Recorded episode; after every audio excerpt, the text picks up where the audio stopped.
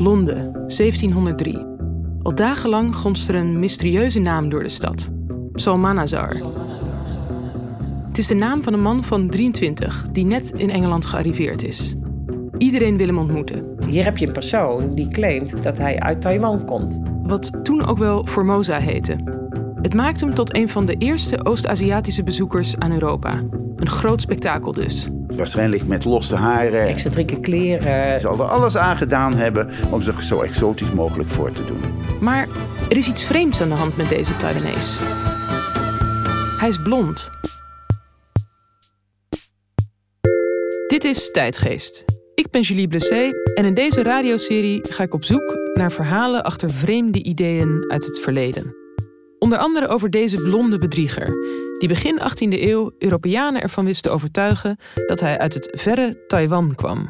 Hoe hebben we daar zo in kunnen stinken? Daar komt het in feite op neer. Maar ik reis ook terug naar een tijd waarin stoute dieren opgehangen moesten worden. In de meeste gevallen kom je vooral varkens tegen. Dat lijken een soort van nou ja, veelplegers te zijn.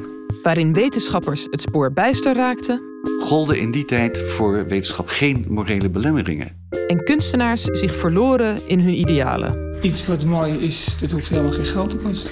Je voelt wel aankomen dat dat niet zou gaan werken.